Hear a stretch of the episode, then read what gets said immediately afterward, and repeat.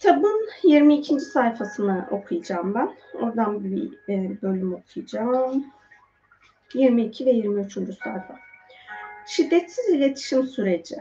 Gönülden verme konusunda karşılıklı istek duyma noktasına gelmek için bilincin ışığını şiddetsiz iletişimin dört temel ögesi olarak bilinen dört alan üzerine odaklarız.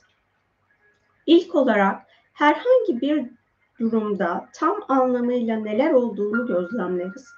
Başkalarının davranışlarını ya da sözlerini gözlemlediğim, gözlemlediğimizde hayatımıza olumlu katkısı olan veya olmayan neleri görüyoruz? Bu sürecin püf noktası içine yargılama veya değerlendirme karıştırmadan gözlemimizi dile getirebilmek. İnsanların sadece hoşumuza giden ya da gitmeyen eylemlerini söyleyebilmektir. Sonraki adım bu eylemi gözlemlediğimizde ne hissettiğimizi ifade etmektir. İncindik mi, korktuk mu, neşelendik mi, memnun mu olduk, rahatsız mı olduk gibi. Üçüncü olarak ise tanımladığımız bu duygularla bağlantılı olan ihtiyaçlarımızı dile getiririz. Şiddetsiz iletişimi nasıl olduğumuzu açıkça ve dürüstçe ifade etmek için kullandığımızda bu üç egenin farkındayız demektir. Örneğin bir anne oğluna bu üç ögeyi şu şekilde ifade edebilir. Felix, sehpanın altında iki, televizyonun yanında yanında da üç çift kirli çorap gördüğüm zaman rahatsız oluyorum. Çünkü ortak kullandığımız alanlarda daha çok düzene ihtiyacım var. Anne hemen arkasından dördüncü öge ile devam edecektir. Yani açık ve net bir şekil, net bir istek ve ricayla. Çoraplarını kendi odana veya çamaşır makinesine koysan olur mu? Bu dördüncü öge hayatımıza olumlu katkıda bulunmak ya da hayatı bizim için daha güzel kılmak için ne istediğimizi ortaya koyar. Şiddetsiz iletişimin bir kısmı bu dört ögeyi sözlü olarak ya da başka yollarla açıkça ifade etmekte, etmektir. Diğer kısmı ise karşımızdaki kişiden aynı dört bilgiyi almayı içerir. Önce onların gözlemlediklerini, hissettiklerini ve ihtiyaçlarını tahmin ederek onlarla bağlantı kurarız. Sonra da dördüncü bilgiyi yani onların isteğini duyarak yaşamlarına neyin olumlu katkıda bulunacağını keşfederiz.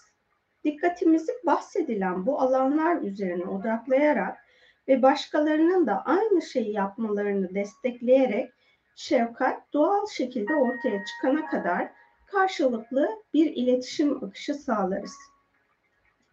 Ne gözlemliyorum, ne hissediyorum, neye ihtiyacım var, yaşamımızı zenginleştirmek için ne istiyorum? Sen ne gözlemliyorsun? Ne hissediyorsun? Neye ihtiyacın var? Yaşamını zenginleştirmek için ne istiyorsun? Şiddetsiz iletişim süreci rahatımızı etkileyen, gözlemlediğimiz somut davranışlar, bu gözlemimize bağlı olarak kendimizi nasıl hissettiğimiz, duygularımızı oluşturan ihtiyaçlarımız, değerlerimiz, arzularımız gibi yaşamımızı zenginleştirmek için isteğimiz, rica ettiğimiz somut davranışlar. Şiddetsiz iletişim sürecine ya önce kendimizi bu dört ögeyi içerecek şekilde ifade ederek ya da diğer insanlardan bu dört ögeyi empati yoluyla alarak başlayabiliriz. Üçüncü ve altıncı bölümlerde bu ögeleri dinleyip anlamayı ve sözle ifade etmeyi öğrenecek olsak da şiddetsiz iletişimin bir dizi formülden oluşmadığını, aksine değişik durumlara olduğu kadar farklı bireysel ve kültürel tarzlara da uyum sağladığınız, sağladığını aklımızda tutmamız önemlidir. Her ne kadar şiddetsiz iletişimden bir süreç veya dil olarak bahsetsem de bu sürecin tüm adımlarını tek kelime dahi söylemeden deneyimlemek de mümkündür. Şiddetsiz iletişimin özü dillendirilen sözcüklerde değil, bu dört bileşenin bilincinde olmamızdır. Şiddetsiz iletişimin iki kısmı vardır. Bir, kendimizi bu dört ögeyi içerecek şekilde ifade etmek.